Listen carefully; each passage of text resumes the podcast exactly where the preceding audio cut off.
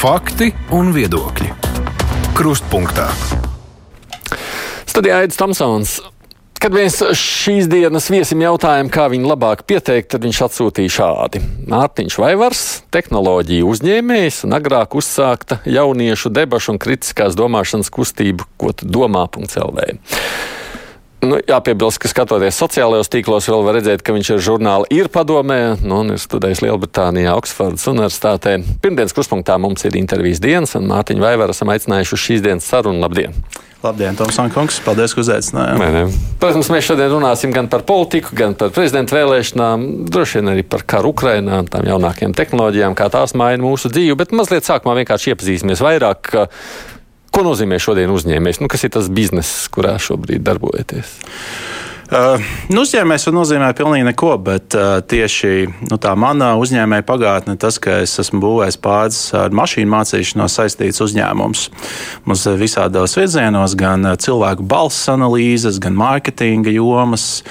Uh, kādu laiku mēģināju arī finanšu produktus būvēt, bet tas galīgi nesagādāja nekādu gandarījumu. Tad es atkal pie tā sākuma punkta, pie tiem mašīnu mācīšanās uzņēmumiem, es atgriezies, tagad darbojos atkal tur. Kas ir mašīna? Vēl mazliet sīkāk. Mašīna mācīšanās uzņēmumu? Mašīnu mācīšanās ir vienkārši kādu datora modeļu trenēšana, lai e, šie modeļi var vai nu atdarināt, vai pārspēt cilvēku spējas, darot dažādas uzdevumus. Teiksim, bilžu atpazīšana, tekstu rakstīšana, e, kaut kādu dažādu musturu atpazīšana un tā tālāk. Un, uh, cilvēkiem patīk izmantot vārdu mākslīgais intelekts. Man tas termins nepārāk patīk, jo mākslīgais intelekts kaut kas, par ko runā jau kopš 70. bet mašīna mašīnu mm mācīšanās tā ir tāda lieta, kas pēdējos desmit gadus bijusi aktuāla. Mm, tad, tad, tomēr, nu, lai mūsu klausītāji saprastu, tas drīzāk ir tas stāsts par mākslīgo intelektu. Tas ir stāsts par mākslīgo intelektu. Tās bažas par to, ka nu, tās pārņems mūsu pasauli un beigās mūs sāks komandēt, jūs redzat tēlu pamatu? Es domāju, ka noteikti risks ir. Tas, kas eh, manuprāt cilvēkiem būtu jāzina, ir, ka šobrīd vispopulārākie modeļi ir kaut kas, ko sauc par tādu kā neironu tīklu arhitektūru. Un tas, kas tiešām rada bažas, ir, ka savā ziņā veids, kā šie modeļi strādā, ir mazliet melnā kaste. Eh, viņi ļoti atdarina cilvēku veidu, kā ir uzbūvēts cilvēks smadzenes. Eh, mēs līdz galam nezinām, kā strādā cilvēks smadzenes. Un, ja kāds ar ļoti lielu pārliecību saka, ka viņš var var novērst uh, šīs sistēmas no kaut kāda tipa uzvedības, es domāju, ka viņš pārspīlē. Uh, vai tas nozīmē, ka uh, mēs neatradīsim kaut kādus veidus, kā šo kontrolēt tuvākajā nākotnē? Nē, bet Es šobrīd nevarētu teikt vienā vai otrā virzienā. Es domāju, ka jābūt diezgan uzmanīgiem. Tas nenozīmē, ka visu uzreiz vajag regulēt un uh, aizliegt, bet es domāju, ka jāvirzās priekšā tā mazliet uzmanīgi. Nu, tas mm, pazīstama ļaužu aicinājums uz pusgadu apturēt šo darbu mm, ir loģisks. Viņš ir diezgan sarežģīts, jo darbs neapstāsies. Saprotiet, es neticu, ka visur pasaulē strādā pie šiem modeļiem. Modeļu arhitektūra ir pilnībā publiska. Tas visiem ir zināms. Mēs ar tevi varētu uzbūvēt savu mazo tādu mini GPT modeli. Un pat ja mēs uztaisīsim moratoriju, ka sešas mēnešus mēs neko neattīstīsim, tas nenozīmē, ka Ķīnas partija vai FSB nestrādā pie saviem modeļiem. Tad drīzāk ir jādomā, kā atbildīgi šīs tehnoloģijas ieviest, kādus kontrols mehānismus ieviest un tā tālāk. Nu, kamēr mēs esam, es, protams, šī nebūs saruna par tehnoloģijām, tam ir cits raidījums, bet kamēr esam vēl šajā tehnoloģiju jomā, vai jūs nu, tā sekojat arī kaut cik līdz tam, kas notiek Ukrajinā kara kontekstā un kā tur šīs jaunās tehnoloģijas ietekmē moderno kara gaitu? Es, es diez vai būšu tas īsais eksperts, ar kuru par šo runāt. Eh, tas ir skaidrs, ka tehnoloģijas tiek izmantotas daudz. Eh, skaidrs, ka visi runāja par eh, droniem, par bairaktāru, visi, visi runā par dažādām tika, tipa raķešu tehnoloģijām, bet es tiešām nedomāju, ka es esmu īstais cilvēks, kur ar šo runāt. Latvijai daudzi forši uzņēmumi, tā kā Aerones vai UAV Factory vai, vai citi, kas strādā ar šiem bezpilota lidaparātiem un ar citām tehnoloģijām. Es vienkārši dodu priekšroku neizteikties par tēmām, kurām es zinu diezgan tas, maz. Tas ir skaidrs. Es arī no tā no jums neprasīju. Es vienkārši šādā ziņā domāju, nu, redz, mēs iespējams arī paši diezgan maz spējam izsekot visam līdzi, kas tur notiek, jo nu, gal galā tur ir zināms kāda noslēpums tajā visā.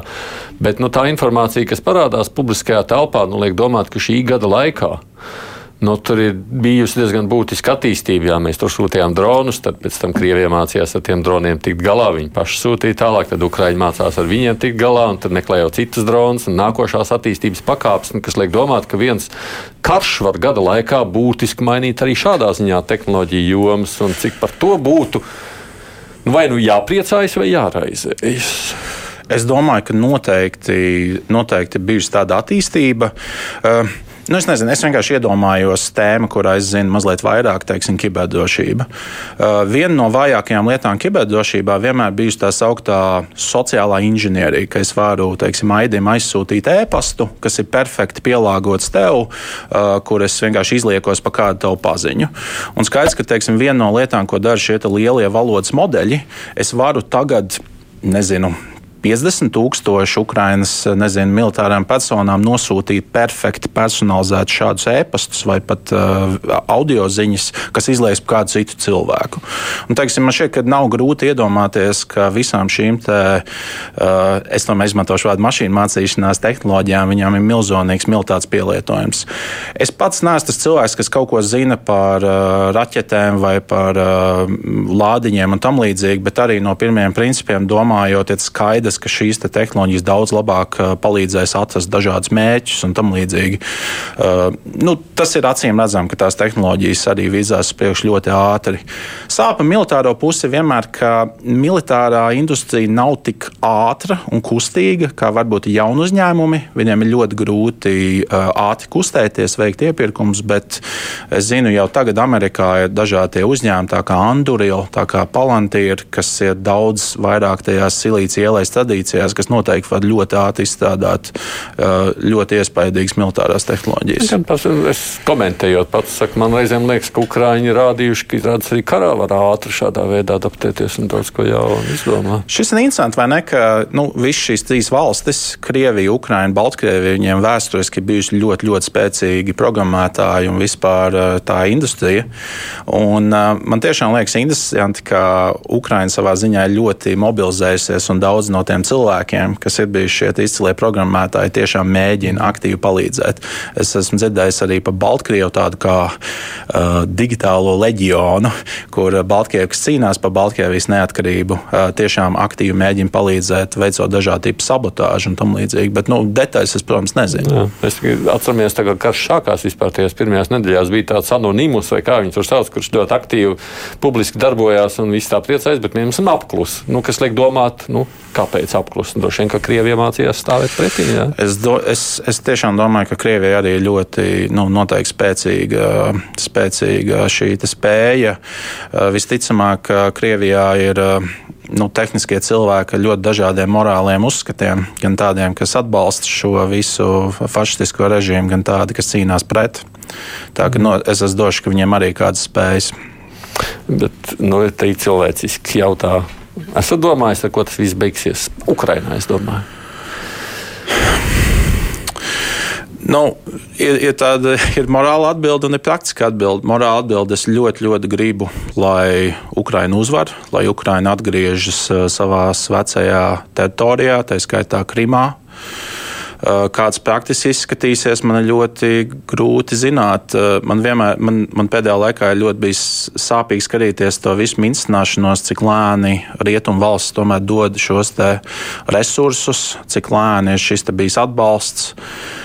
Tagad, protams, mēs dzirdam par šiem te, visām šīm lidmašīnām un, un citiem rīkiem. Es ļoti ceru, ka tas ir tas, ko mēs varētu izdarīt. Vienkārši radīt to jau atdzīvināt to normu, ka tu nevari iebrukt citās neatkarīgās valstīs, tiešām radot nu, Krievijai liels militārs zaudējums. Vai tas tā notiks? Nezinu. Varbūt būs kaut kāda vienošanās, kur, kas būs pieņemama um, rietumiem, NATO, Ķīnai um, Krievijai kaut kādā iznīcinātā versijā. Man ir ļoti grūti spriest. Es, es tiešām, man, man ir pārāk maz informācijas. Es arī droši vien tāpat kā tu esi apsēsts, lasu ziņas visas, bet uh, tas tik un tā ir pārāk maz informācijas, lai varētu. Pie... Mēs spētu sadzīvot ar to domu, nu, ka Krievijai izdodas tur kaut ko bišķi nokos no Ukrainas teritorijas, un tad visi nu, kaut kā sadzīvo ar status quo. Nu, man ļoti sāpētu sirds, un tas, protams, tas nebūtu labs signāls arī ilgtermiņā, teiksim, domājot par eh, Ķīnas interesēm Taivānā, domājot par citām uh, militāri agresīvām valstīm, Indiju un, un citām. Uh, bet uh, nu, jāstāsta, kādas ir alternatīvas, kas ir svarīgāk. Tā norma vai arī tas, ka katru dienu mirst tūkstošiem cilvēku. Es nezinu, Aits. Jā, nezinu, vai, vai, vai mēs to spētu tā sagramēt, vai Ukraiņi vispār to spētu sadzīvot. Jā, tieši tā. Man šķiet, ka katra vienošanās, tu vari uztaisīt kādu vienošanos, tu gribi, bet uh, Ukrainā iekšēji politiski tas diez vai ir iespējams tā vienkārši pateikt, uh, nu, beidziet cīnīties par savu neatkarību, par savu zemi. Uh, viens no tādiem interesantiem priekšlikumiem, ko es dzirdēju, ir tas, ka Ukraiņiem tiek piedāvāta uh, iestāšanās NATO ar tādu realistisku plānu Skaidrs, ka kā NATO valsts tu nevari vienkārši uzbrukt ārpus savas teritorijas. Savā ziņā tas nodrošina gan to atturību, uh, es nezinu, kā Latvijas teikt to vārdu deterrence, atturēšanu uh, Krievijai, bet no otras puses tas varbūt arī dod to iekšpolitisko disciplīnu Ukrainai, tomēr neiet ārā no tās NATO uh, teritorijas.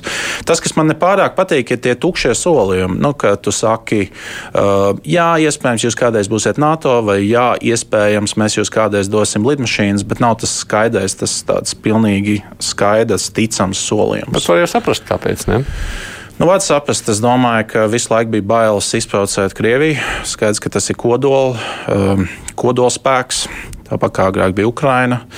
Uh, ASV es domāju, ka iekšpolitiski tas ir ļoti sāpīgi. Tomēr arī Republikāņu partijā ir tādi diezgan galēji elementi, kas ir uh, diezgan negatīvi pret šo noskaņoti. Um, tas man, mana pārliecinoša lielākā baila ir tas, ka Trumps kļūs prezidentu. Un, mm. uh, Trumps nav sajūsmā par NATO. Trumpam vispār ir diezgan aizdomīga pagātne ar Krieviju. Uh, tā ir mana baila numur viens šobrīd. Mm. Nu, par to arī mazliet tādu parunāsim, bet sāksim no cita gala skatoties uz visu. Nu, kā jau te pieminējām, ne, tā tad viens no tās debešu kustības jā, izsācējiem, runājot par jauniešiem. Mazliet vienkārši pastāstiet par to, lai priekšstats mūsu klausītājiem, kas tā tāda par platformu. Um. Nu, tas viss sākās tā, ka kaut kad es pats, kad es, kad es vēl biju jaunāks, man vispār nu, debašu kustība Tas ir tāds, kā varētu to saukt par sportu, kur tu ej, argumentē par dažādām tēmām ar eh, citiem jauniešiem. Man, man personīgi šī debašu kustība atvēra ļoti daudz durvis, ļāva iestāties eh, Oksfordā un pēc tam arī citas lietas. Un kamēr, skolas, skolas laikā vēl? Uh, jā, es sāku to darīt 12. klasē. Man ļoti paveicās, ka mani uz uh, debašu klubu uzaicināja viens Rīgas ekonomikas augstskolas, es Rīgā tāds viens dalībnieks, un tad gāju uz to mm. klubu. Tas man pavēra pilnīgi citu pasauli. Es no cilvēka, īstenībā nekas neinteresē, kas skatījās tikai kaut kādas sporta ziņas, man pēkšņi ieinteresēja kaut kādas sabiedriskas tēmas. Un, uh, Es, tad, kad es jau strādāju Londonā pēc uh, tās universitātes pabeigšanas, man ļoti gribējās Latvijā iedzīvināt to kustību. Mēs ar pāris ļoti foršiem cilvēkiem, uh, Ievu, Laumu, Edmundu, Eviju, citiem, uh, uzsākām šo kustību, kuras mērķis vispār bija Latvijā veicināt šo te dažādu debašu pulciņu skolās un debašu klubu universitātēs attīstību. Un, kas tas ir? Tas ir sports, kas ļoti struktūrētā veidā ļauj argumentēt par tēmām būvējot pareizi organizētus argumentus, pareizi atspēkojot citu cilvēku argumentus, un kas pats galvenais - dabūt tādu struktūrētu atgrieznisko saiti par taviem argumentiem uh, no pieredzējušākiem nu, studentiem, jauniešiem. Un tas, tas uh, iznākums vairāku mēnešu vai gadu periodā ir tas, ka tu to dari katru nedēļu, tu iemācies par ļoti plašu tēmu loku, tev izveidojas mazliet tāds kā muļķību detektors, tā, kad klausies citos cilvēkos, tu pamani viņa argumentu vājās vietas. tā nav lieta, kas varbūt noderētu, es nezinu, televīzijā, bet tas noteikti tāds kā ļoti labs trenižiets jauniešiem, lai viņi pēc tam vienkārši paši var labi argumentēt, lai tad, kad viņi saskarās ar konspirāciju teorijām, viņi uzreiz pamana, kur ir tās problēmas un tā tālāk. Un, eh, Ar to es darbojos septiņus gadus, un tagad es mazliet pagājis malā, es atdevu citiem foršiem cilvēkiem, Rasmusam, Edgaram un citiem, un tagad es esmu mazliet tādā atpūtas eh, režīmā tajā visā. Tāpēc, ka ir kas turpina. Ja? Ir kas turpina. Man šķiet, ka vispār NVO pasaulē tā pēctecība ir ļoti svarīga lieta, ka tu ne tikai pats darbojies līdz tev beidzas enerģija, bet tu arī mazliet izauklē tos cilvēkus, kas var pārņemt. Mans vecākais dēls pirms kaut kādiem gadiem trim piedalījās tādos nu, skolas laikā, darbojās. Es nezināju, no kurienes tas nāk. Teiktu, tas nāk no jūsu puses. E, mēs neesam pirmie, kas to darīja Latvijā. 90. E, gados tas bija diezgan e, populāri Latvijā. Tā ir ļoti tipiska lieta, ko dara. Nezinu, tad, kad tev ir nedemokrātisks režīms, tad bieži dažādi ārzemju fondi atbalsta tieši debašu kustības attīstīšanu. Un to darbojās, bet tajā laikā, kad es jau biju, tas bija kaut kāds 2008 gads, tā kustība jau bija diezgan pamirusi un vāja. Un mēs tiešām centāmies viņu mazliet atdzīvināt gan ar dažādām publiskām debatēm, mācību materiāliem. Mums bija tāds projekts Debašu līderu skola, kur mēs savācām tādā grupiņā dažus skolēnus no vienas skolas kopā skolotāji. Mēs regulāri ar viņiem darbojāmies un mēģinājām, mēs viņus tā kā mentorējām vai atbalstījām, lai viņi savā vietējā skolā uzsāktu to debašu pulciņu, ka viņi regulāri tiekas un debatē. Um, var iet daudzās garlaicīgās detaļās par šo tēmu. Bet, nu. bet kā jūs sacījat, cik jaunieši ir Latvijā spējīgi nu, argumentēt un aizstāvēt savu viedokli? Tas, ar ko es ļoti saskāros. Man ka man ir interesanta pieredze, jo es esmu strādājis ar ļoti daudziem skolēniem, ļoti daudziem skolotājiem. Un man šķiet, tas vārds, kas raksturo Latvijas skolu sistēmu, ir mēžonīga nevienlīdzība prasmju ziņā, un, uh, gan skolotājiem, gan skolēniem. Un, uh, tu sastopies gan ar skolēniem, kas ir, uh, kas ir jau 12. klasē, vienkārši fenomenāli, un tad tu sastopies ar skol, skolēniem, kuriem iet ļoti, ļoti bēdīgi. Un tieši tas pats. Nu, ir arī ar skolotājiem, ka tā skolotāju tā, tā atšķirība viņos ir vienkārši milzīga. Tas nozīmē, kā paveicās, pie kuras skolotāja tika vai kā. kā tā, tā ir tāda skola? jauca piedzimšanas loterija. Nu, ja tu piedzimsti vietā, kur ir ļoti maza lauka skoliņa un kur pirmo klasi kabina kopā septīto klasi, jums visiem kopā kaut ko māca, nu, iespējams, tu neattīsi vislabākās lasīt prasmes. Bet iespējams, ja tev paveiksies un varbūt tavi vecāki būs turīgāki, tad tu varēsi tur kādā centra skolā iegūt kaut kādu elitāru izglītību, nezinu, 40. vidusskolā vai tur otrajā valsts gimnājā un tam līdzīgi. Uh, Man, man, man ka tā ir tā lieta, ko varbūt cilvēki reizēm nenovērtē, cik dažas vietas Latvijā, tīri izglītības ziņā, ir vienkārši tādas mazliet tādas kā melnās bedas, kurā paša bērna vainas. Tā nav bērna vaina, ka viņš ir attapies tādā vietā, tie kaut kādi ekonomiskie apstākļi. Tas ir man vispār šķiet, ka mēs kā valsts esam politiski nodefinējuši, ka mums ir ļoti svarīgi, ka cilvēki dzīvo un mācās vietās, kur uh, viņiem īstenībā nav tas ekonomiskais un izglītības potenciāls. Tas ir mans tāds subjektīvs politisks spriedums. Skaidrs, ka ir citi argumenti, vajag uzturēt laukus un tam līdzīgi. Es esmu diezgan spēcīgi. Es esmu redzējis, kas notiek tajās skolās, jo es pats esmu strādājis ar tiem skolotājiem un ar, ar skolēniem. Un kopumā tas ir ļoti, nu, nezinu, tā mana sajūta vienkārši tāda spriedze un ka tas ir ļoti negodīgi. Nu, šis ir tas grūtais jautājums, uz kuru mēs nespējam atrast atbildi. Nu, vai, mēs, vai, vai tur ir kāds risinājums? Nu, proti, vai tas nozīmē, ka mēs aizslēdzam, aizklapējam kaut kādu trešdaļu Latvijas cietu? Šeit nav tāda ierēdnieciska risinājuma. Šeit ir tikai sāpīgs politisks risinājums par to, kas mums valstī ir vissvarīgākais. Un uh, tas Latvijas zīmols, nu tā skatoties no ārpuses, uh, Latvijas zīmols bieži ir. Es nezinu, no kurienes viņš radies, jo, ja tu lasi kaut kādus jaunatviešus, vai tu lasi, kas notika 18. gadā, tas nebija tajā laikā tāds Latvijas zīmols. Bet mūsu zīmols ir kaut kā vai nu padomju laikā uzpeldējis, vai ulmaņa laikos. Mēs esam tādi mazliet tādi uh, zemkopības zeme, mums ir klētis, abras un tādas lietas. Viesta eksports. Jā, jā laikā. tieši tā. Tops viesta eksportētājs tur kaut kur. Un uh, Kāls Ulmans bija agronoms un tam līdzīgi. Uh, bet uh, tas viss ir forši, bet tad jautājums, ja tu noliec priekšā noliec šīs divas lietas, cik svarīgi mums ir, ka cilvēks dzīvo lokācijā, kurā viņam nav ekonomiski iespēja, jo tāpat lauksaimniecība gan īstenībā pilnībā tiek automatizēta. To visu nākotnē darīs roboti. Vai mums vajag, lai cilvēks, kuram ir, kurš šobrīd ir piecus gadus vecs, viņš, viņš ir piedzimis kādā vietā. Vai mums vajag, lai šis cilvēks būtu ar izcilu izglītību, lai viņš var radīt pasaules klases produktus, lai viņš būtu izcils pilsonis, kurš nepavēlks uz propagandu? Nu, tā ir tā vērtība izvēle. Diemžēl, kamēr Latvijas pilsoņi par to neba, nenobalsos ļoti intensīvi kādās vēlēšanās, neizrādīs šo izvēli, um, šobrīd, manuprāt, Latvijas politika pilnībā iesprūdus un saka, nē, mums ir mazliet vienalga par to izcilību. Mums ir svarīgs tas zīmols. Nu, tas Latvijas nu, mums zīmols. ir svarīgs sentiments, ka lūk, tur šis ciemats, kurš bija kādreiz ļoti no, tāds dzīves, tagad izmirst un mājas iet bojā. Mums, nu, mums, nu, mums nepatīk, ka viss patverās Rīgā, Daugopilī vai Liepā. Jā. Nu, es diemžēl neizdomāju spēles noteikumus. Nu, uh, tas, ko tu vari kā cilvēks iegūst, ir tas, cik daudz tās ekonomiskās pievienotās vērtības tu arī izveidot.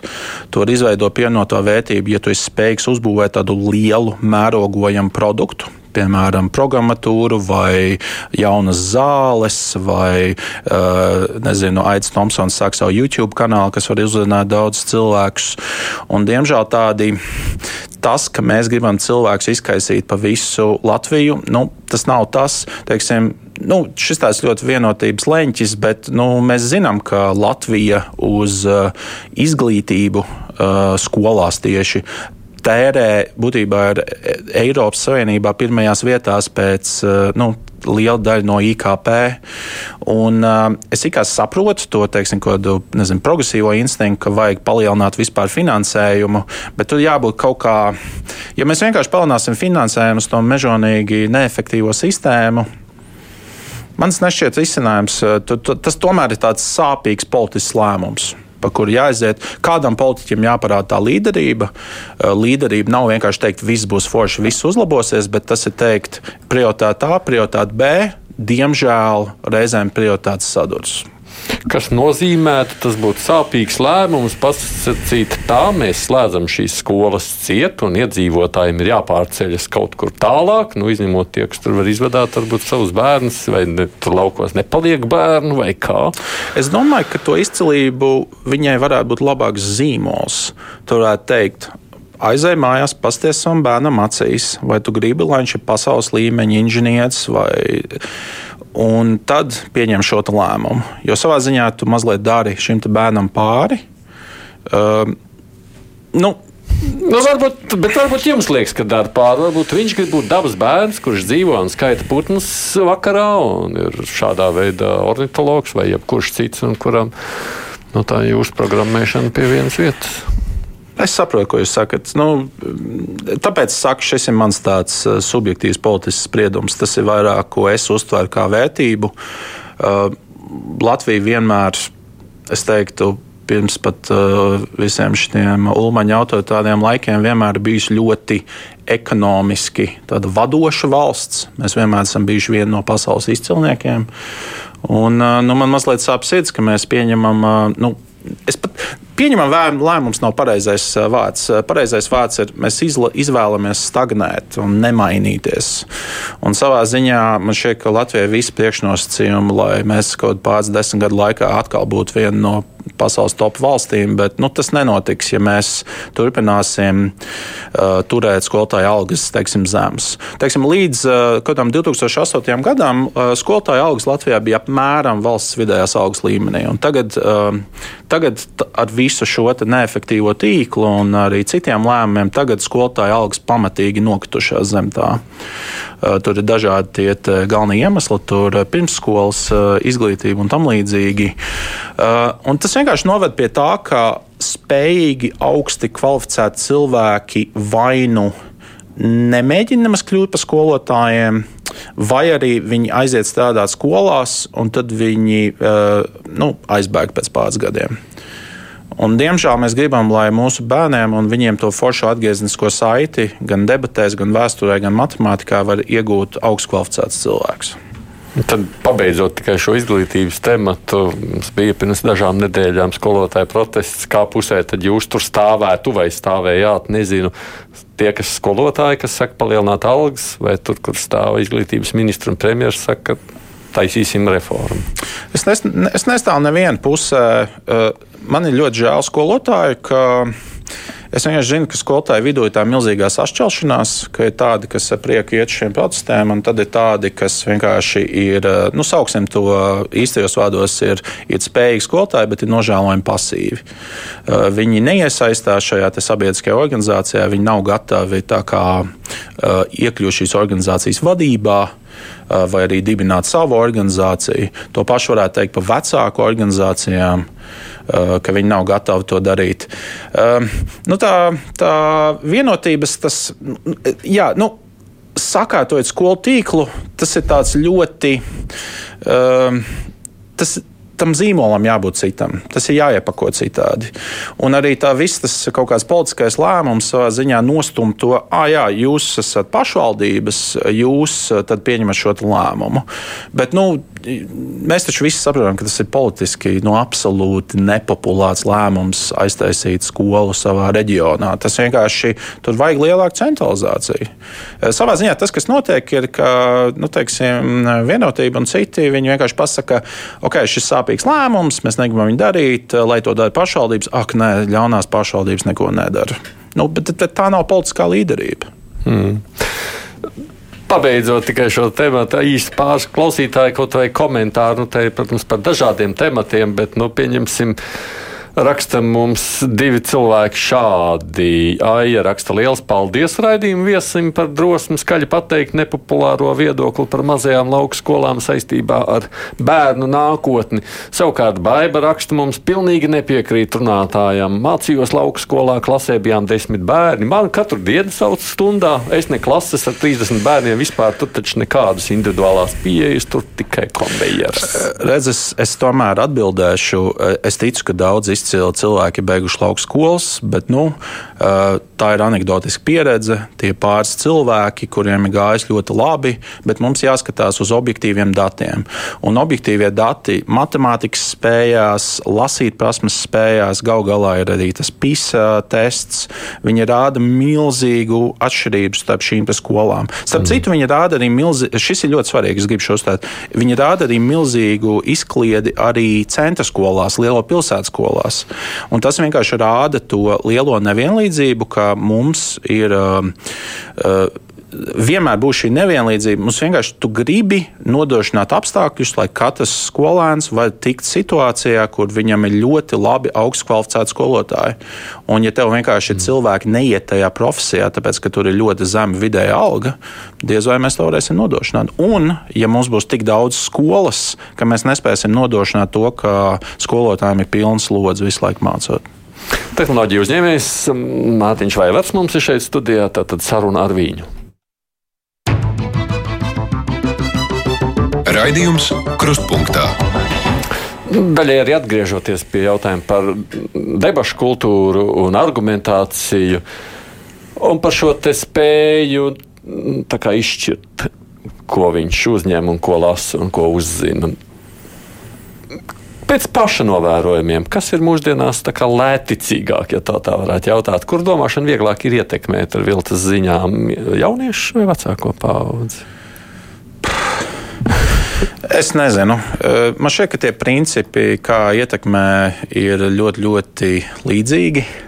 Es teiktu, ka gandrīz nu, skaidrs, ka tur ir kaudzēm to propagandas, reklāmas industrijas paņēmieni, kuri gadiem ir strādājuši.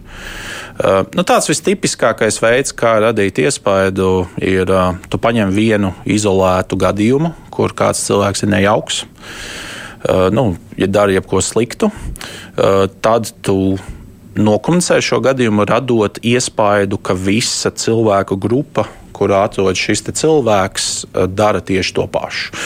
Un, eh, jebkurā valstī, jebkurā sabiedrības grupā, tu vari atrast eh, nelāgus cilvēkus, kas dara nelāgas lietas, un tad tu kaut kā mēģini vispārināt. Un skaidrs, ka tas ir tas, ko dara Krievija Ukrainā, ar saviem to, ka viņi atrod kaut kādu vienu fašistu vai pat uztais aktieri, kurš ir fašists, un, un tad, protams, saka, nē, tā ir visa Ukraina, mēs ejam visu glābt. Un, savā ziņā man šķiet, ka tā propagandas mašinērija visur pasaulē, gan politikā, gan arī militārās situācijās, viņi ir viena tā pati.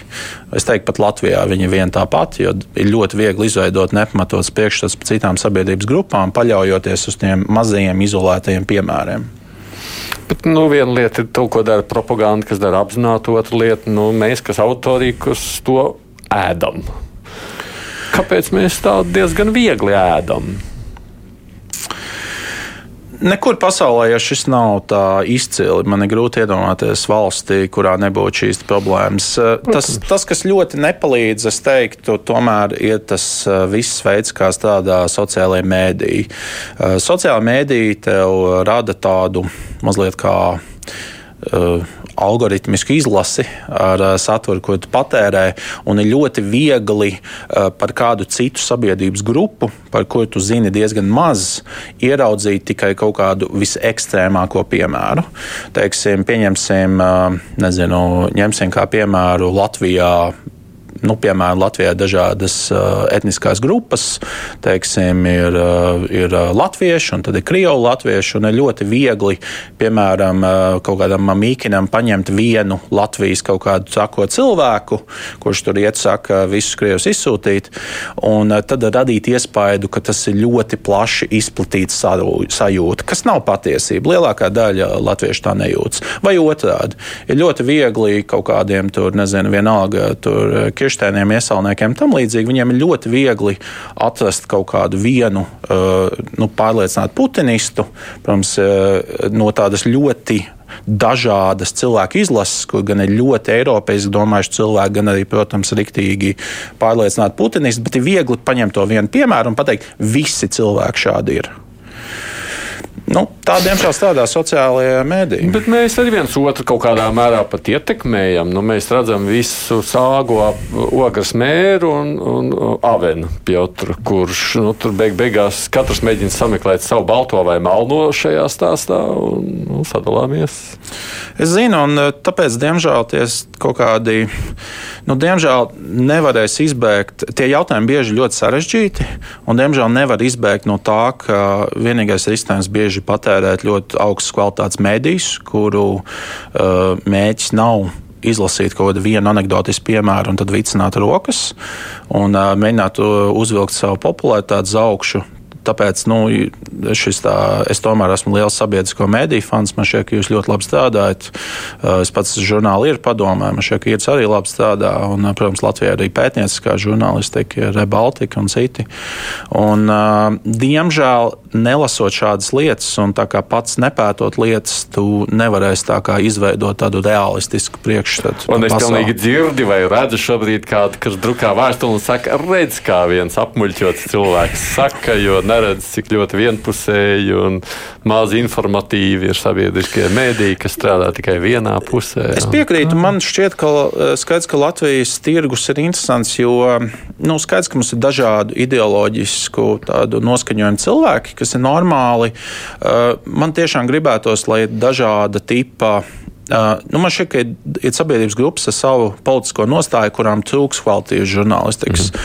Teiksim, nu, ja kāds cilvēks ļoti gribētu, viņš varētu žurnālu ir saukt par, nezinu, centriski labēju, varbūt, vai, bet, teiksim, man ļoti gribētos, lai, teiksim, cilvēkiem, kuri varbūt ir ļoti, ļoti konservatīvi noskaņot, lai viņiem arī būtu savs nu, ļoti kvalitatīvs. Jau, nav jau nevar sūdzēties, te jau ir veidots pat internetu vietnes, telos un viss tam līdzīgi, kas mēģina runāt ar konservatīvu. Nu, es atvainojos, bet telos tiešām nav nu, kvalitātes mēdīs. Tur no, vairāk ir viedokļi. No kuras skatu punkta lūkojamies, vai ne? Nu, protams, bet, teiksim, ja jūs Amerikā skatītos, jūs, teiksim, atrastu tādas, ja tu esi konservatīvs, tad ir ļoti augsts kvalitātes mēdī, tā kā National Interest. Ja tu esi, nezinu, centisks vai ja tu esi biznesa cilvēks, tad lasīji kaut kādu ekonomistu un tam līdzīgi. Un Latvijā mazliet pietrūkstās dažādības. Nu, bet, redz, Amerikā arī svarīgi beig beigās kādam Fox News vai Trump atbalstītājiem atrast savu. Tā ir. Tā ir.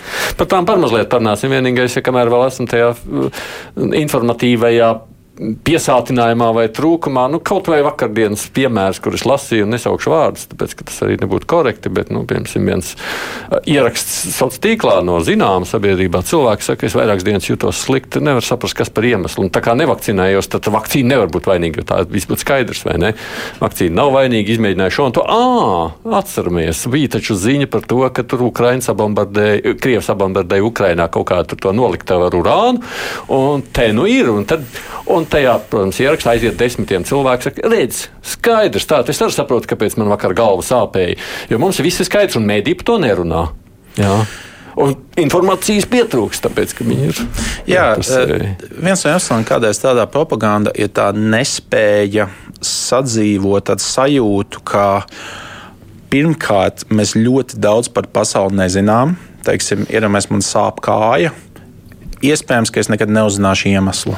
Nu, es, es atradīšu. Es jā, nu, tu atradīsi, protams, ka tu atradīsi. Jo, jo tev ir tā vēlme tā kā uzlikt labāk, lai ir kaut kāds uh, pamatojums, kuram nav, ne, uh, lai kaut kāds uh, iemesls, kuram ir nulles, jeb kāda pamatojuma. Otra lieta, ko, atceros, ar ko ir grūti sadzīvot, ir tā sajūta, ka pasaule ir tāda sarežģīta, haotiska lieta, kur ir ļoti daudzi cilvēki, kaut kas notiek. Ir daudz patīkamāk sev stāstīt stāstu par kaut kādām elitēm, par kaut kādu kontroli, par kaut kādām megakorporācijām un tam līdzīgi. Un tas ir viens no iemesliem, kādēļ šī propaganda tik labi strādā. Un savā ziņā tā sajūta pasaulē notiek ļoti daudz tādas random lietas, kurām nav nekādas tādas skaidras sistēmas. Reizēm ir sistēmas, bet nu, ļoti daudzos gadījumos nav. Uh, nu, tā ir sāpīga sajūta. Reizēm tas nav patīkami. Mēs esam tādi stāstus, uh, stāstoši mērkaķi, kuriem patīk dzirdēt šos stāstus, nu, un mēs diezgan viegli uz viņiem pavelkamies. Nu. Nu, mums gribas atrast argumentu, nu, tad vai nu tās ir lidmašīnas izkaisītā ķīmija, vai tur lūk, ir uzspridzinātā noliktava, vai kaut kas, nu, kaut kāpēc man sāp galva. Jā, jā. Nē, nu, Tu vari tik pie daļējām atbildēm, mācoties zinātni, lasot augstas kvalitātes mēdījus. Um, reizēm tu vienkārši sēdi un neko nezini. Un, uh, tā ir tāda lieta, kas jāiemācās. Nu, teiksim, Jūs sākumā man prasījāt par to, kā beigsies Ukraiņas-Krievijas karš. Nu, tā mana godīgā. Uh, varbūt precīzāk izmantošu Krievijas nejaukā, uh, nevis nejaukā, bet brutālā agresija Ukrainā. Uh, atbilde tāda, nu, es nezinu. Man reizēm ir jāpieliek pieri pie asfalta un pazemīgi jāpasaka, nu, diemžēl ir lietas pasaulē, kurām es nezinu. Viņas ir sarežģītas, tur ļoti daudz mainīgie. Es tiešām nezinu atbildi. Nu, tad reiz esam šajā laukā divi temati pieminēti. Nu, Trumps droši vien ir vērts pieminēt, paskatīties, jo nu, tā tad teicāt, ka lielāks bažas, ka viņš varētu atgriezties. Pastāv realitāte patiešām. Mēs arī nezinām, būs viņš atpakaļ prezidenta amatā vai nebūs. Bet tas nozīmē, ka ļoti lielai sabiedrības daļai viņš ir autoritāte un viņa teiktajam tic. Nu, skatoties, lūk, salīdzinot amerikāņu vēlētāju kaut vai ar Latvijas sabiedrību, kā jūs sacītu, mēs esam līdzīgi Latvijā vai tomēr esam varbūt Mēs esam ļoti līdzīgi. Mm. Man šķiet, ka mums arī. Uh, lielā sabiedrības daļā ļoti simpatizē uh, spēcīgā saimnieka tāds kā zīmols. Uh, kaut kādos ir, ir cilvēki, kas sevi šādi pozicionē. Nu, tur uh, vienalga, sākot ar Lembergu, beidzot ar citiem, kur vienkārši saka, es esmu tas mazliet autoritārais cilvēks, kas zina, kā ir labāk. Um, un, uh, nu, skaidrs, ka tas zīmols uh, cilvēkiem vienmēr ir licies uh, pievilcīgs. Uh, tas ir kaut kāds mikslis starp spēcīgais saimnieks tēlu un kaut kādām konspirāciju teorijām. Un pasaulē šis zīmols strādā visās politiskajās sabiedrībās. Lukašenko ir tāds tēls, Putins ir tāds tēls, Modi ir tāds tēls, Orbāns ir tāds tēls, Lembergs ir tāds tēls. Nu, nekas jau jauns Trumpā nav izdomāts. Tas, kas ir jauns, ir tas mazliet šoks, pa, ka Amerika, kas kopumā ir tomēr ļoti, ļoti demokrātiska sabiedrība, joprojām ir ļoti demokrātiska sabiedrība, ka Amerikai tomēr var strādāt šis te tēls, kas tiešām ir, ir mēģinājis veikt valsts apvērsumu. Nu, jau, man ir ļoti pārsteigts, ka teiksim, Amerikā tas vārds kaut kā lavierē neizmanto to terminu, lai gan skaidrs, ka tas ir mēģinājums veikt valsts apvērsumu, un uh, kurš izplatīja visas šīs konspirācijas teorijas, ka tu vari dzert kaut kādu tur uh, plīts tīrītāju, lai tiktu galā ar covid un tam līdzīgi. Man atkal kā cilvēku Uh, nu, jā, nezinu, kurā brīdī konservatīvi, kurā liberāli, to mēs arī varētu runāt. Nu, jūs esat koncertos, es vispār gribu komplimentu izteikt, jūs tas ļoti empātisks cilvēks esat. Paldies! Bet par šo konservatīvo skatoties, liekas interesants fakts, ka nu, amerikāņu konservatīvā daļa, nu, patiešām konservatīvā daļa, nu, kas tur cīnās par abortiem, kas tur iestājas par kristīgām vērtībām un tam līdzīgi nu, ka viņi tik ļoti, viņi tie lielie Trumpa atbalstītāji par cilvēku, kuram, nu, jā, kuram tur ir tik ļoti daudz seksa skandālu, kā reti, kuram vispār, man liekas, prezidenta amata kandidātam, prezidentam bijuši. Šeit var baigi aizrunāties, bet man, man, man arī tāda sajūta, ka pēdējā laikā uh, nezinu, eh, man šķiet, ka mēs no tāda klasiska konservatīvisma, klasiska liberālisma esam tikuši līdz tādiem maziem mutantiem. Nu, eh, klasiskais konservatīvisms, nu, mēs jau zinām, eh, ģimene vērtība, militārs spēks ir vērtība, uzņēmējdarbība ir vērtība, tiesiska valsts ir vērtība. Nu, iedomājieties, Tečera, Reigans, tam līdzīgi. Un tagad mums ir izveidojis mazliet tāds konservatīvisms mutants, kas kaut kā patiesībā diezgan daudz atļauj iejaukšanos cilvēku privātajā dzīvē. Eh, Trumps galīgi nav kristīgs ģimenes cilvēks, to mēs laikam visi zinām. Liberālisms arī ir līdzīgi. Nu, liberālisms vēsturiski bijis tāda lieta, kā neiejaukties cilvēku privātajā dzīvē, nu, restīvi, ja tu uh, nedari citam pāri aktīvā veidā, mēs tā kā to respektējam. Bet arī tagad liberālismā, es domāju, diezgan daudz šīs te tendences. Uh, ja man nepatīk tas, ko tu saki, es esmu gatavs aktīvi iejaukties tavā privātajā dzīvē. Uh, ļoti mainās šī lieta. Es arī esmu mazliet apmulsis, jo nu, es arī Oksfordā mācījos politiku, politisko filozofiju arī, un tās visas, varētu teikt, grāmatas, kuras esmu lasījis, man ir ļoti grūti kaut kā pievilkt tam, kas šobrīd notiek. Kaut kā ļoti interesanti tas viss ir, ir kaut kā izmainījies. Un tad uh, jūs esat vienkārši publiski sacījis, ka jūs balsojāt droši vien par jauno konservatīvo partiju, kas nozīmē, jūs tajā konservatīvajā partijā sardzējāt kaut kā to veco konservatīvismu. Vēl. Es cerēju, ka viņi tādi būs. Tur bija pāris cilvēki, kas man uh, likās, nu, ka viņi varētu iemiesot tās vērtības. Es sev nesaucu par konservatīvu cilvēku, es sev sauktu par tādu diezgan klasisku centristu liberāli. Es kaut kādā universitātē biju diezgan kreiss, bet tad es sāku no uzņēmējdarbības, sapratu, ka daudzas lietas, kam es ticu, vispār nav patiesas. Bet eh, šobrīd Latvijā centrā ir tāds nu, mazliet tukšums, bija iemesli, kas man eh, nu, tur parā pietrūka jaudīgi cilvēku, tur vienotība man arī, tur man liekas, viņi ļoti, arī visas tās lietas, ka viņi tik ļoti tur eh, kaut kādiem lauksaimniecības lobby darbojas un tam līdzīgi, man tas nesagādāja prieku. Es kopumā esmu gatavs balsot par ļoti, gan par ļoti foršu kreisu partiju, gan par foršu labēju partiju. Tas tāds man šķiet, kas mazliet tā kā Un to foršumu, kas nosaka? Es nezinu, es, es mēģinu vairāk domāt tādā politikas līmenī, nu, teiksim, man ir pāris lietas, kas man ļoti svarīgas. Eh, man ir ļoti svarīgs tiesiskums, eh, man ir ļoti svarīga lab, eh, tāda, nu, tās konkrētās reformas. Mēs par izglītību jau runājām. Cita lieta, kas man ļoti svarīga, ir tomēr valsts uzņēmuma pārvalde, lai beidzot mēs varētu kaut kādu mazākumu paketi kotēt biržā, lai uzlabotu pārvaldību, lai tu nebūtu kā šoferu dēli. Trešā lieta, kas man ir diezgan svarīga, ir tomēr tās kopējās politiskās nācijas veidošana veidošana, uh, lai nebūtu tā sajūta, ka kāds var pienākt klāt uz ielas uh, Krievu latvietim, kurš divdeb teiciens ar komatu atbalsta labāk nekā tu, un pateikt, tu neesi es, tu neesi latviets, tu neesi mēs. Tas man ļoti sāp. Tas, uh, tas, tā, tā nav lieta, kas man patīk. Man tiešām šķiet, ka mums ir. Es varu vienu lietu pateikt, kas man ir svarīga. Mēs Latvijā visu laiku izmantojam terminu latviešu krievi. Tas rada tādu sajūtu, ka krievi, kas ir Krievijā, un uh, krievu izcelsmes cilvēki, kas ir šeit, ir viens un tas pats. Lai gan patiesībā uh, pat Krievija ļoti dažāda valsts. Tur ir Tatāri, tur ir Maskava, tur ir pilnīgi kaut kas cits. Un man tiešām šķiet, ka tā ir kļūda, jo tas rada gan identitātes krīzi Latvijas, Krievos, Baltkrievos, uh, Ukraiņos, ebrejos, romos, citos, gan tas rada to kaut kādu nepamatoto stāstu Latvijas latviešos, ka cilvēki, kuri uh, nu, es piekrītu, tas, tas tie nav visi Latvija, nu, Latvijā dzīvošie krievu latvieši, ka viņi visi ir tas pats, kas ir nezinu, Putina vērtības. Un man šķiet, ka jābūt, jābūt šim principam, ka mēs būvējam kopīgu politisku nāciju, kas ir balstīta latviešu valodā, Latvijas kultūrā, Latvijas demokrātiskajās vērtībās bet nav īsti svarīgi, uh, kas ir tā etniskā izcelsme. Latvija nekad nav bijusi monolītiska etniska valsts. Uh, arī uh, nezinu, 18. gadā, arī 40. gadā, arī 30. gadā, un Latvija arī tagad nav. Latvijā katrs trešais cilvēks nav tīrs etnisks latvietis.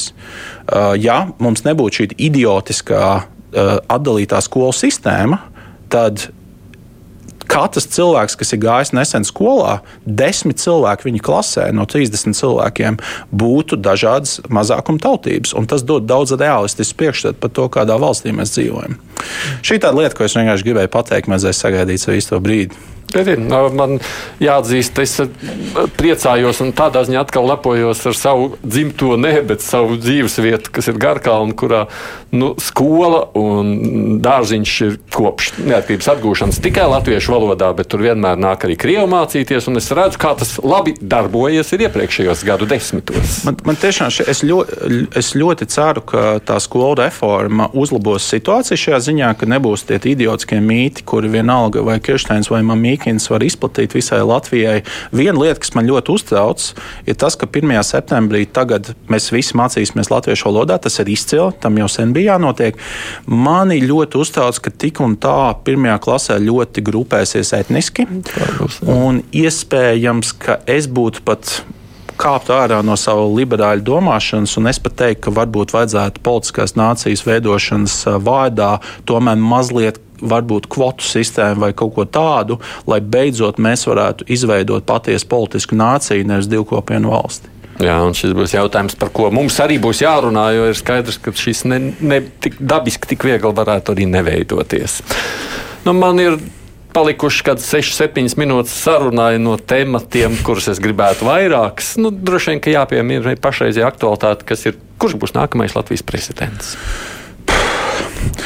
Nu, es neesmu tāds, eh, es nedzīvoju iekšā partijās, es nezinu. Es biju ļoti Es biju diezgan drošs, ka es to jau tā mazliet publiski teicu, ka um, es biju diezgan sabēdājies, ka mums būs tā koalīcija ar uh, Lembergu un Šleseru un ka Pīlēns būs prezidents.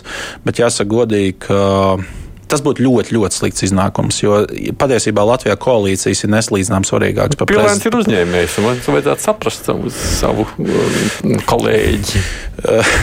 man šķiet, ka viņš ir daudz kā, iespaidīgāks uzņēmējs nekā es, bet uh, um, es, es teiktu, kā, skatoties Pilēnu, viņam liekas, viņam ir normāls īpašības. Tas, kas man sabojāja to garšu mutē, tas, ka viņš bija gatavs tik daudz tā kā uh, upurēt tā prezidenta amatu vārdā, gan ar visām tām apvienotā sarakstā. Skaidrs, ka tur bija šie Lemberga partijas biedri, skaidrs, ka viņi bremzē visas šīs te, uh, valsts uzņēmuma kotēšanu biežā, viņi bremzē šo skolu reformu. Tas man ļoti sāpēja. Un arī tas, ka viņš būtu gatavs tiešām ar, nu, atkal Latviju ievelkot uh, koalīcijā Lembergs Šlesada Latvijā būvēt atkal to stulbu atkarību no Krievijas tranzīta, man tas nepatīk, un tas man tiešām sabojāja ļoti priekšstatu pa pīlēnu. Uh, tāpēc es domāju, gan Pinto, gan uh, Rinkēvičs būtu ļoti labi prezidenti. Pat ja Rinkēvičs ievēl tagad jūs pieminētā Lemberga balsi. Jā, tas man arī nepatīk. Tas man arī nepatīk. Un, uh, es tiešām nezinu, kurš būs prezidents, ir pārāk daudz mainīgo ko uh, vienotība izlems, ko ZZS izlems, ko Nacionāla apvienība izlems. Uh, es tiešām nezinu, kurš būs prezidents. Pēc cilvēcīskām īpašībām man patīk gan Rinkevičs, gan Pinto. Bet, uh, Es tiešām nezinu. Bet ir atšķirība, vai ar Lemberga balsīm ievēlē pīlēnu, vai ar Lemberga balsīm ievēlē, nu, piedodiet, tā tas tām vispār ir Lembergs, lai neapvainojas, bet, nu, es domāju, tādā ziņā zaļo zemnieks. Viņš, viņš nav labs cilvēks, lai apvainojas. Manā gadījumā šis nebūtu aktuāli. Bet uh, es domāju, tādā ziņā, nu, kur viņš atbalsta Rinkēviču vai Pīlēnu. Galu galā yes, no ZZS ir ļoti daudz kas atkarīgs šobrīd. Tā, tas sākuma punkts ir tas, ka mēs esam ievēlējuši die, ļoti nelāgu saimu. Saimnes sastāvs nav labs. Man šķiet, ka vispār šī ir ļoti stagnāta saima. Ir ļoti maz cilvēku tur, kas ir eiropeiski un kas patiesībā grib ko uzlabot. Um, nezinu, nu skaidrs, ka šis būs bijis jebkurā virzienā. Ja apvienotais saraksts būtu uztaisījis koalīciju ar Lembergu un Šlesaru, tad, protams, tas būtu kaut kāds progresīvo vienotības stāsts, ak, Dievs, kā jūs to spējāt. Un, un tagad tas ir pretējā virzienā. Ja uztaisīs vienotību progresīviem un Lembergu, tad, protams, tas būs stāsts pretējā virzienā. Es nezinu, man, man joprojām visloģiskākais variants liktos, ka pašreizējā koalīcija saņemtos un patiesībā varbūt pat. No šiem variantiem varbūt pat vislabākais ir, ka Pīlāns ir prezidents, ja par viņu novēl pašreizā koalīcija, nevis ka mēs koalīcijā ievelkām tur Šleseru un citus, citus cilvēkus, kuri nestrādā Latvijas interesēs. Tā kā Es tiešām nezinu. Es tiešām nezinu. Koalīcija ir daudz svarīgāka Latvijā par prezidentu. Prezidentam iet, iet savu varu, viņš vada armiju, viņš, viņš var veto, viņš var pateikt iedvesmojošu runu, bet tomēr eh, koalīcija neslīdzām svarīgāk. Bet no otras puses, pieminot šo pašu koalīciju, nu, tad ir vai nu esošā koalīcija ar apvienoto sarakstu, kur mazliet kritizējāt, vai nākošā pieņemsim ar progresīvajiem. Um, es, es, es, es tomēr Nē, es, es vēl līdz galam nespēju jautājumu. Nu, tādā ziņā, būt, kas ir labāk, tomēr mainīt koalīciju vai atstāt esošo. No, no tādas ziņas skatot, jo droši vien katrā pusē ir savi plusi un savi mīnusi. Es piekrītu, es piekrītu. Man šķiet, ka nav labi iznākumi. Ir tikai dāņķīgi iznākumi. Um, es tiešām domāju, ka, ja var kaut kāds variants, kur Es domāju, ka pārliecinoši sliktākais variants tomēr ir tā koalīcija gan ar Lembergu, gan ar Šlesaru. Es vēl neesmu tik vecs, bet es esmu gana vecs, lai atcerētos tos laikus, kā Šlesars radīja milzīgu homofobiju Latvijā, kā viņš ietekmē Latvijas uzņēmumu pārvaldību, lietot satiksmes ministrijā visādus aizdomīgus cilvēkus, kā Lembergs būtībā bija Lembergs stipendijāts, kā viņš visiem dalīja naudu, kā viņš cik gadiem jau čakarēja Latvijas gan tiesu tiesu sistēma, gan arī ir. Nu, kopumā es, es, es apmēram nojaušu, ka šie cilvēki, un es negribu viņus eh, labāk, lai ir apvienotais saraksts eh, tomēr koalīcijā nekā viņi. Bet kāpēc šis ar popularitāti aug? Man šķiet, ka viņš ir ļoti, pirmkārt, viņš ļoti labi, nu tā kā. Um, Viņš ļoti labi strādā sociālos tīklos. Es domāju, viņš ļoti labi izmanto to cilvēku tos, eh, jā, pretvakcīnu sajūtu. Eh, un viņš ļoti labi izmanto šos mītus. Manuprāt, viņš ļoti labi visu tie zīmoli, to, kā viņš nepārtrauc katru kā to Kariņu Levita režīms. Tas jau ir ļoti sens Lemberga pierādīts triks, ka Latvijā ļoti labi strādā propaganda, kas ir tēmēta gan uz ārzemju latviešiem, gan mazliet uz antisemītismu. Um, un, um, jāsaka, nu, viņam, viņš tiešām ļoti labi strādā. Es nezinu, ko lai citu saka. Vienkārši tas ir ļoti profesionāls darbs, kas izmanto tās pašas metodas. Līdz. Man šķiet, ka nav īpašas starpības starp to Kariņa Levita režīmu un uh, to, ko Lembergs zina par sorosītiem. Nu, tas izmanto tieši to pašu kaut kādu Latvijas nezinu, vājo vietu uh, propagandas ziņā. Ir svarīgi, vai mums būs prezidents maija beigās vai jūnija vidū, jo nu, pastāv jau iespēja, ka mums nebūs 31. maijā. Nu, kopumā ir svarīgi, tāpēc, ka nu, prezidentam nav daudz varas, bet vara, kas viņam ir, ir ārpolitika un drošība. Un, uh, es teiktu, ka priekš NATO šis ir svarīgs laiks. Ir svarīgi, ka ir kāds, kas mūs var pārstāvēt, ir visi šie lēmumi. Uh, es atkal neesmu, es neesmu iekšā, es nezinu, Eh, ko tieši Levits ir darījis tādā ārpolitikas ziņā, bet nu, visi šie NATO lēmumi par to, ka ir eh, daudz eh, spēcīgāks aizsardzība austrumu pusē. Um, noteikti ir vajadzīgs cilvēks, kas ir spējīgs pasaulē labi aizstāvēt gan Ukrainas, gan Latvijas intereses. Es domāju, šis nav īstais laiks, lai čamātos un ilgi izvēlētos. Tehnoloģija uzņēmējs Mārtiņš Vaivars mums bija šodien kruspunktā viesis. Paldies, ka atnācāt šeit. Paldies, Aid. Temats, ko mēs nepaspējām parunāt, ko es biju iecerējis, ka varētu paspēt, bet nē, tad man kolēģi Mārīt varēs viņu izvērst. Runa ir par jautājumu par Stambuls konvenciju, cik tas ir biets, draudz vai palīgs cīņā pret vardarbību. Nu, protams, mēs rīt kruspunktā atgriezīsimies pie šī tēmata, vairāk arī tādu jur, juristu skatu punktu lūkosim, nu, par ko tad tur tās bažas ir. Producenta raidījumā ir Revi Junām, studijā sarunu vadīja Vēsts Aidis Tomsons.